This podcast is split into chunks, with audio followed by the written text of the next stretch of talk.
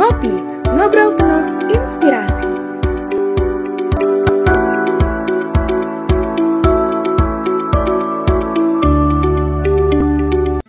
Halo, selamat malam Sobat Ngulik di mana pun berada. Apa kabarnya nih? Semoga Sobat Ngulik berada dalam keadaan sehat dan selalu semangat ya menjalani aktivitas-aktivitasnya. Nah, kembali lagi di Ngopi Podcast, ngobrol penuh inspirasi bersama aku Irani dan rekan aku, Helen.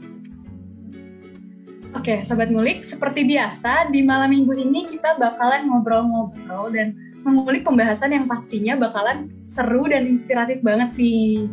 Gimana nih Helen, kira-kira kita kedatangan narasumber siapa nih kali ini?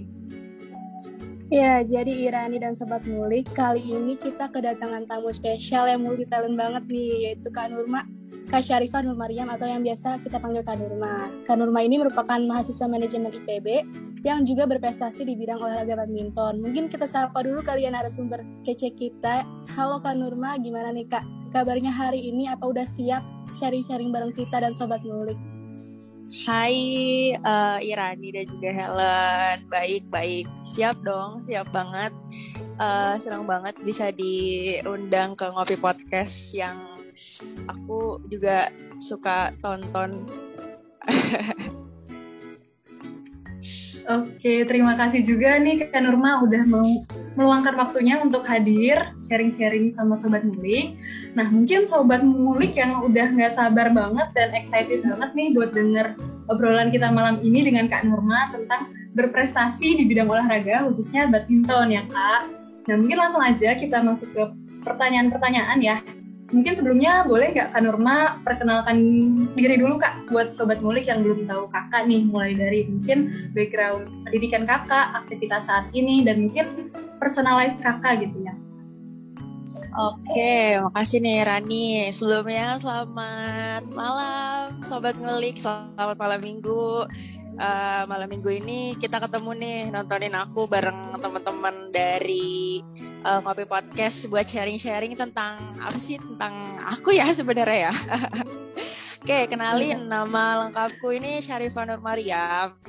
Bisa di, kalian bisa panggil Nurma atau bisa panggil Syarifah bebas. Uh, aku merupakan mahasiswi dari manajemen 55. Um, dulu juga sama sempat di Komet, sempat uh, di Direktorat Public Relation Kemudian kalau aktivitas aku saat ini sih uh, kurang lebih namanya mahasiswa ya kuliah.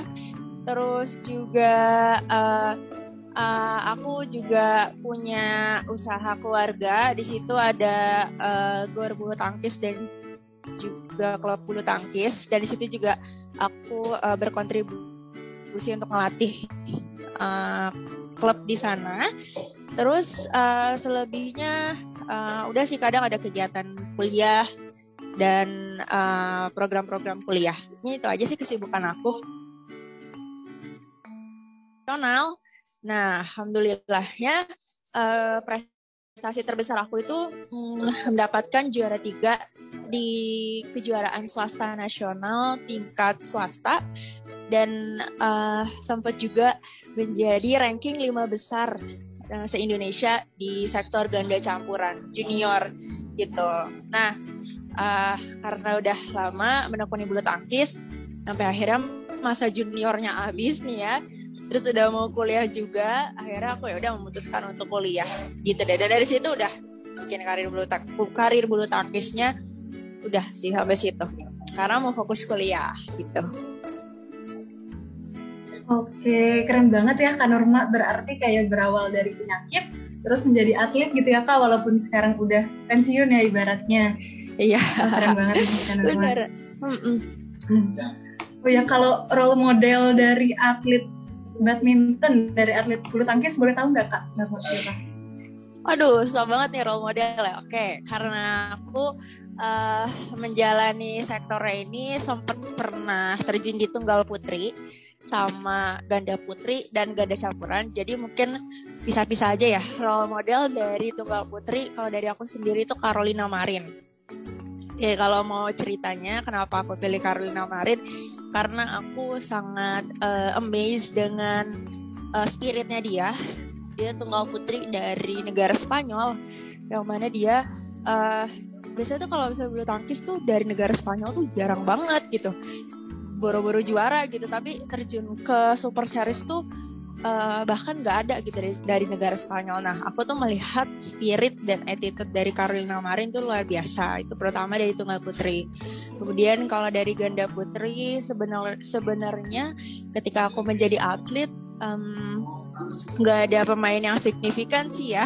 Tapi aku cukup amazed dengan ganda putrinya China karena kan kalian tahu sendiri ya China uh, punya komposisi pemain yang sangat kuat, yang sangat ulat dan sangat cerdas gitu. Nah, hampir semua pemain ganda putri China itu aku juga uh, kagum gitu sama mereka. Kemudian kalau dari ganda campuran sendiri, uh, role model aku sama pemain dari China itu uh, Zheng Siwei dan uh, Huang Yaqiong.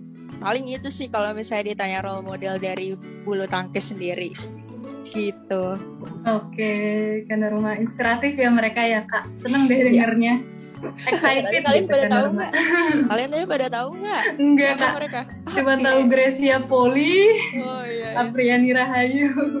Ya tapi tapi uh, ketika aku udah nggak jadi atlet tuh sekarang aku lihat Gracia Poli bahkan justru aku bisa mengatakan Gracia Poli dan Apriani itu juga jadi role model aku walaupun sekarang aku udah nggak jadi atlet gitu ya tapi mereka keren banget sih.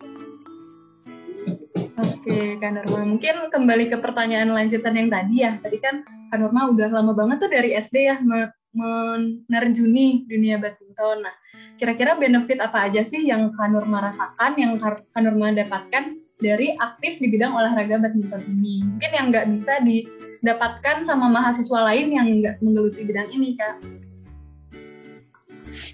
Aduh, uh, oke. Okay. Bagus banget ya pertanyaannya apa ya manfaat yang aku ambil dari uh, aku jadi atlet ini oke okay. uh, eh, pertama hmm, mungkin ini bukan uh, mungkin ini juga kalau semua mahasiswa dia bukan atlet juga bisa yang mendapatkan tapi aku bisa bilang relasi. Karena alhamdulillah uh, klub aku ini uh, sempat kedatangan tamu dari luar negeri beberapa kali. Ada dari Italia dari um, Nigeria, dari Iran, dari Malaysia, dari uh, kemarin tuh aku lupa dari mana. Nah intinya lumayan banyak kedatangan tamu dari luar negeri. Nah itu yang bikin aku apa ya? Bikin aku seneng juga merasa uh, bisa kenal gitu, merasa senang bisa kenal sama mereka dari uh, orang luar negeri bisa sharing-sharing juga gitu uh, gimana keseharian mereka, habit mereka, terus budaya mereka kayak gimana. Nah, terus uh, nah itu relasi pertama. Yang kedua itu adalah um, mungkin aku bisa dapat pelajaran apa ya? Dapat uh, pelajaran uh, fighting spirit kali ya. Karena di sini kan aku uh, badminton itu kan sistemnya kompetisi uh, mau gak mau kalau misalnya kalian kalian nggak nggak tekun gitu atau kalian nggak lebih dari yang lain itu kalian bakal ketinggalan dan uh, menjadi katakanlah loser gitu. Loser tuh uh, apa ya ya orang yang kalahan gitu. Nah karena sistemnya kompetisi makanya aku dituntut juga untuk mempertanggungjawabkan uh, uh, apa kualitas latihanku setiap harinya. Nah, di situ aku juga merasa tertantang dan uh, terchallenge gitu.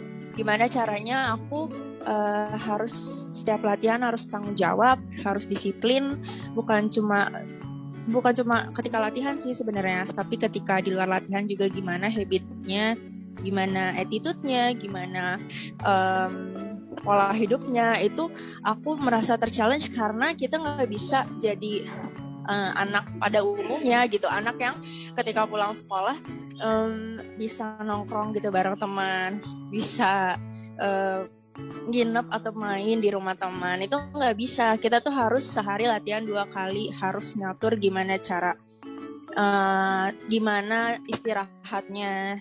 Kalau malam nggak bisa tidur malam. Bahkan kalau dulu di klub aku tuh ada peraturan kumpul HP Jadi setiap jam 9 malam itu HP harus dikumpul. Tujuannya apa? Tujuannya biar istirahat cepat gitu. Gak ada begadang gitu. Nah, um, itu dari uh, apa ya challenge merasa terchallenge gitu harus punya tanggung jawab terus juga aku belajar manajemen waktu karena kan ketika usia aku uh, menjadi atlet itu kan ketika umur sekitar SMA ya. SMP SMA gitu kan. Hmm, mungkin orang-orang dari anak-anak lain gitu. Mungkin mereka ya udah fokusnya uh, pulang sekolah belajar gitu. Atau les atau mungkin bisa main sama teman itu mungkin manajemen waktunya agak apa ya tidak terlalu ketat gitu ya kalau aku sendiri aku ngerasa ketika jadi atlet aku ditantang untuk harus um, ngatur waktu aku sendiri gitu. Harus mempunyai manajemen waktu yang baik. Karena kalau enggak ya capek juga. Gimana? Bangun tidur latihan tidur siang lati bangun lagi latihan terus istirahat malam bangunnya lagi besok latihan gitu aja terus. Tapi tubuh harus fit gitu. Paling itu sih yang Oh satu lagi sebenarnya uh, ini nggak tahu ya atlet-atlet lain ngerasain atau enggak tapi aku ngerasain kalau misalnya ketika aku jadi uh, jadi atlet itu aku ngerasain namanya miniatur kehidupan. Oke, okay. karena aku menjadi atlet waktu junior ya waktu masa SMA jadi aku tuh ngerasain uh, gimana caranya eh gimana kalau misalnya aku dimarah-marahin sama pelatih gimana rasanya aku tuh harus kalau misalnya aku uh, di bawah gitu nggak juara kalau aku jelek mainnya ya udah bakal dimarahin gitu. Dan aku nggak juara ya udah di situ aku uh, ya udah merasa terbelakang aja. Nah itu kan uh, seperti halnya kalau misalnya kita dapat pressure kayak gitu kan kalau kita emang sungguh-sungguh kan nggak boleh ya dapat pressure terus ya udah deh nggak usah nggak usah latihan deh udah bodo amat ya gue nggak usah latihan tapi nggak bisa gitu. Jadi di situ aku belajar untuk oke okay, walaupun gue dapat pressure uh, gue harus besok pagi harus tetap bangun tetap latihan gimana caranya gue ini ngebayar semua uh, apa marah uh, ngebayar semua omongan-omongan uh, mereka gitu. Semua semua apa sih remehan mereka semua mungkin uh, tuntutan mereka semua yang mereka marah itu gimana caranya kayak gitu. Jadi aku belajar untuk lebih dewasa lagi uh, itu semua. Dan uh, iya benar sih bukan cuma dimarahin sih tapi uh, karena ketika jadi atlet juga kadang kita diremehin maupun dari internal pelatih sendiri ataupun dari eksternal dari musuh atau dari pelatih lain. Mungkin itu sih ya yang aku uh, ngerasa kayaknya orang-orang yang nggak jadi atlet kayaknya mungkin nggak dapet eh, nggak dapet hal-hal ini deh. Jadi makanya situ aku bersyukur. Hmm, oke okay, berarti uh, masa-masa aku jadi atlet ini ternyata sangat uh, apa ya sangat worth it gitu buat aku. Gitu Ken wah ternyata banyak juga ya kak benefit yang didapat dari rumah di badminton ini mulai dari fighting spirit, relasi maupun manajemen waktu. Nah, ngomongin manajemen waktu nih Kak, sebagai mahasiswa kakak kan juga punya kewajiban nih sebagai belajar ya kak buat belajar. Lalu gimana nih cara kakak membagi prioritas antara belajar akademik kakak dan badminton ini nih kak? Oke, kalau ngomongin sekarang sih gampang ya. Uh, ngomongnya gimana cara ngaturnya karena sekarang aku udah me, apa udah sangat um, memprioritaskan kuliah. Karena aku juga kan sekarang udah istilahnya pensiun gitu dari bulu tangkis. Tapi kita coba ngomongin ke throwback ke masa ketika aku jadi atlet ya gimana caranya. Oke, nah yang tadi aku bilang ketika aku SMA itu aku memutuskan untuk transisi dari ke SMA negeri ke homeschooling Kenapa? Karena aku mau memprioritaskan badminton aku ini. Tapi uh, karena homeschooling ini bukan berarti aku nggak belajar, tapi aku tetap belajar walaupun seminggu cuma tiga kali gitu belajarnya. Nah, gimana caranya ngatur waktu? Adalah uh, kan aku tuh sekolah tuh kan ketika udah pagi latihan uh, sore latihan. Nah di tengah-tengah itu tuh aku uh, belajar gimana cari caranya bagi waktu. Ya uh, mau nggak mau, aku harus uh, karena ketika aku ada sekolah itu aku nggak ada waktu untuk istirahat.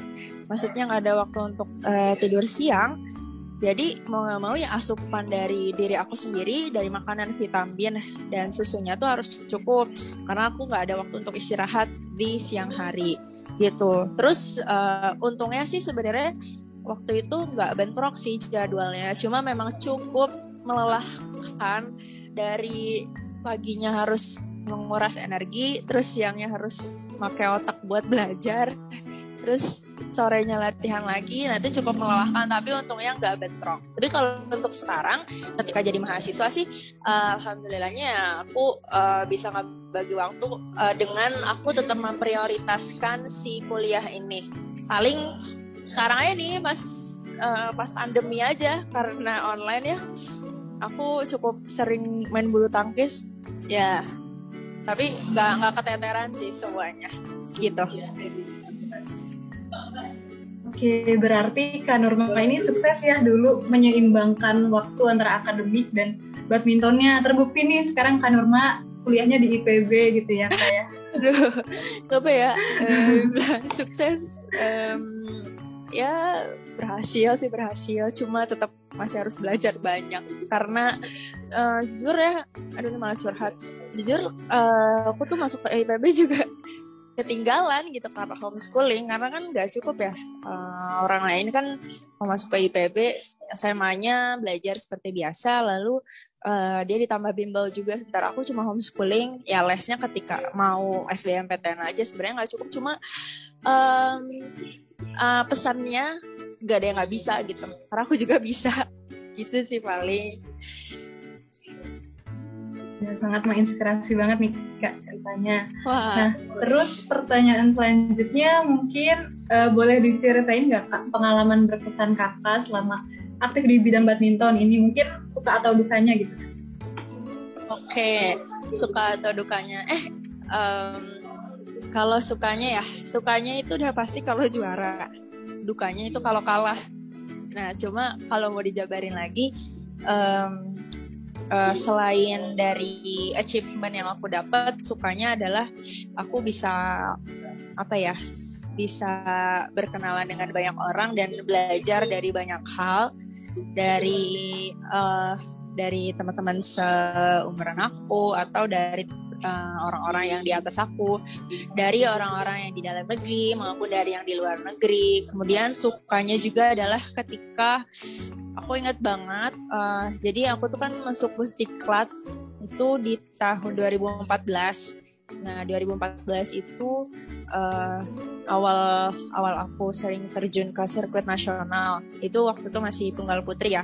Nah cuma ketika aku masuk di situ tuh uh, aku biasanya pertandingan masih apa? Masih suka masuk kualifikasi gitu. Jadi ketika babak kualifikasi nah uh, sekali main kualifikasi selalu kalah gitu. Sampai akhirnya aku masuk uh, tiba-tiba di tahun 2016 ini prestasi aku selalu tiba-tiba uh, apa ya tiba-tiba uh, meningkat aja gitu ketika aku uh, pindah dari tunggal putri sektor tunggal putri ke ganda putri atau ganda campuran itu. Nah puncaknya itu aku pernah di pertandingan Jakarta Open itu ketika aku gak diunggulkan gitu gak masuk sidit. Terus aku uh, bertanding dari kualifikasi masuk ke babak utama terus tiba-tiba ketemu sama unggulan satu tapi uh, ternyata bisa ngalahin gitu nah dan di situ kebetulan ada uh, media yang ngeliput uh, koran koran aku lupa nama korannya apa nah itu uh, di situ ya udah aku masuk koran aja gitu udah di situ uh, yang tadinya punya mental yang 50% gitu tiba-tiba jadi naik jadi 200% karena termotivasi dengan achievement tersebut. Nah, itu sih sebenarnya paling mengesankan. Terus uh, apalagi ya yang mengesankan juga ketika aku jadi atlet adalah waktu pertandingan ke luar negeri sempat juga uh, main liga. Liga itu kan bergu ya di Malaysia di situ pertama kalinya main bergu di Malaysia bawa nama klub Malaysia gitu. Nah di situ uh, pressure-nya cukup tinggi, tapi uh, berkesannya adalah karena aku di sana selama satu bulan dan banyak ketemu sama orang, banyak ketemu sama teman-teman, um, hidup di sana sebagai uh, udah kayak sebagai warga negara Malaysia. Nah tapi alhamdulillah aja di situ regu aku tuh uh, dapet juara juara dua gitu di sana. Terus satu lagi deh ya kayak kebanyakan berkesannya. Satu lagi uh, waktu pertandingan di Korea. Di situ adalah sebenarnya titik-titik di mana aku udah mulai down gitu. Karena prestasi aku yang tadinya begini tiba-tiba turun gitu. Nah di Korea tuh aku udah kayak um, ya udah deh nothing tulus aja mainnya maksimal aja. Nah uh, kebetulan alhamdulillahnya ternyata di Korea ketika mainnya nothing tulus aku bisa berhasil masuk uh, perempat final atau delapan besar gitu. Harusnya kalau misalnya di situ menang aku bisa masuk semifinal. Cuma kalah sama China di situ. Tapi nggak apa-apa di situ merupakan pengalaman yang apa ya cukup berkesan dan aku kalah juga nggak nggak nggak sedih. Karena di situ udah menunjukkan uh, permainan maksimal aku gitu. Dan di situ juga uh, apa ya banyak di appreciate dari pelatih dari teman-teman semuanya yang bikin uh, motivasi mau naik lagi. Nah itu sih paling pengalaman bekersannya. Sukanya ya itu ya sukanya. Sorry. Nah kalau dukanya, aduh dukanya mah banyak.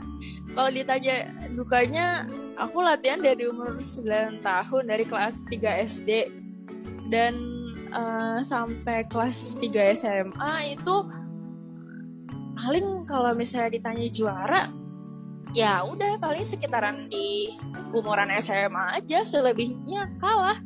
Gak ada juara ya paling juara cuma uh, cuma apa sih namanya uh, tingkat kota gitu ya. Nah cuma kalau mau dijabarin lagi dukanya itu selain dari achievement tadi dari kalah kalah kalah itu dukanya adalah ketika uh, aku mulai diremehin sama orang internal. Jadi orang dari klub aku sendiri baik itu pelatih atau orang-orang pengurus. Nah itu aku mulai diremehin. Itu juga wah itu uh, momen paling pressure dan paling down banget.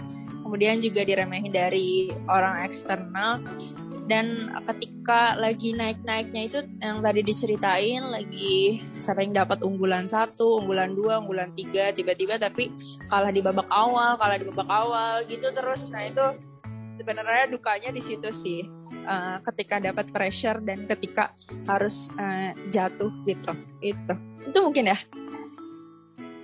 Oke ternyata penuh perjuangan juga ya kak di dalam badminton ini. Ada suka aduh banget banget banget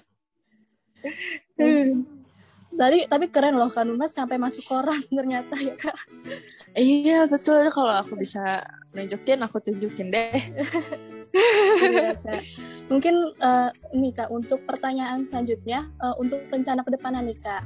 Kakak kan tadi bilang uh, pensiun untuk sementara nih kak. Ini ada apakah Kak ini akan melanjutkan bakat ini tuh uh, menggeluti badminton ini tuh sebagai profesi atau gimana nih kak? Apakah akan kembali lagi nih sebagai atlet atau gimana nih kak? Oke, uh, eh, kita jujur-jujuran aja ya. Kalau mau untuk kembali lagi itu uh, um, ya sulit gitu, sulit banget karena orang-orang uh, yang uh, seumuran aku di sana mereka nggak berhenti latihannya terus-terusan latihan setiap hari jadi kalau mau kembali lagi sebenarnya sulit ditambah motivasinya udah berkurang. Cuma planning aku yang bakal aku bawa dari dunia bulu tangkis ini adalah gimana caranya aku menyalurkan uh, semua ilmu yang pernah aku dapat sebelumnya itu ke generasi-generasi berikutnya. Makanya kenapa uh, aku juga berkontribusi untuk uh, ngelatih anak-anak klub gitu dari uh, dari usia SD sampai usia SMA itu uh, aku sih plannya di situ. Jadi gimana caranya aku nerusin ilmu-ilmu aku ke mereka. Terus kalau misalnya untuk dari diri aku sendiri uh, sebenarnya uh, apa ya udah udah udah sulit sih kalau misalnya mau uh, terjun lagi gitu ya. Karena uh, apa saingannya kalau untuk uh, tingkat nasional itu bulu tangkis ya itu banyak banget banyak banget. Jadi udah mulai berat uh, ngejarnya. Paling kalau misalnya ini pandemi udah berakhir dan aku masih di IPB gitu mungkin uh, ikut-ikut kontribusi pertandingan antar kampus aja kali ya gitu. Di situ sih.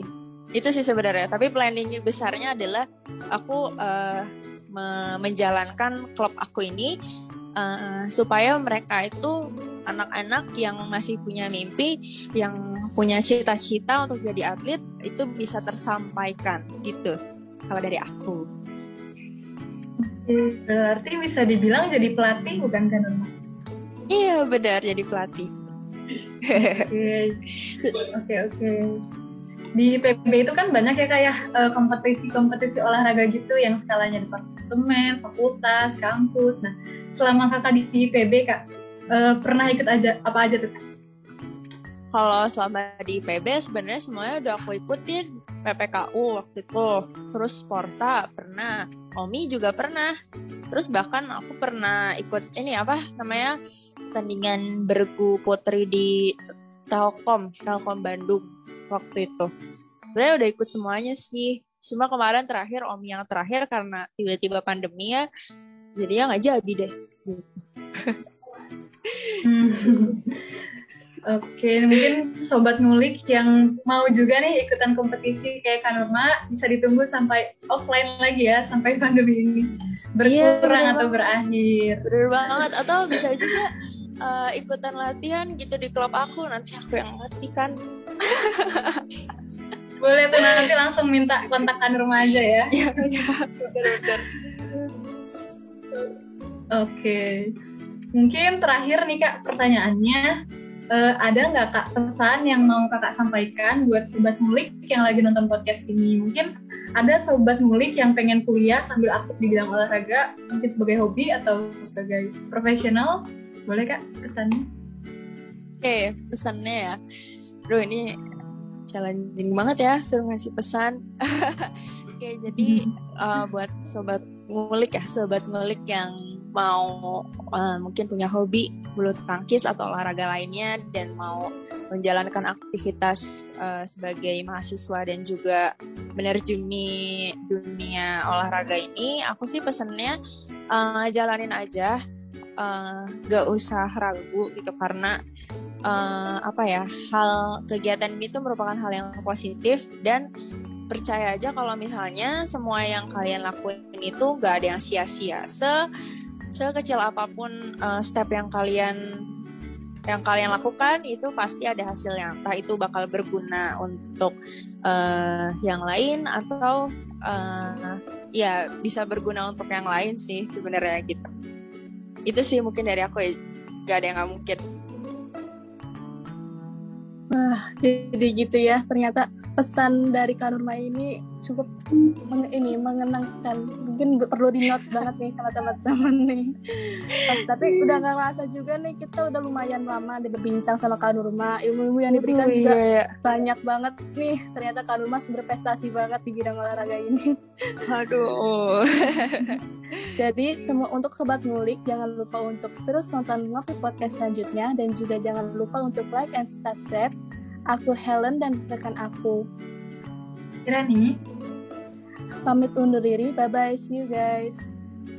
Kasih untuk sobat ngulik yang udah ngedengerin ngopi podcast kali ini dan jangan lupa untuk tetap stay tune di ngobrol penuh inspirasi selanjutnya. Bye bye.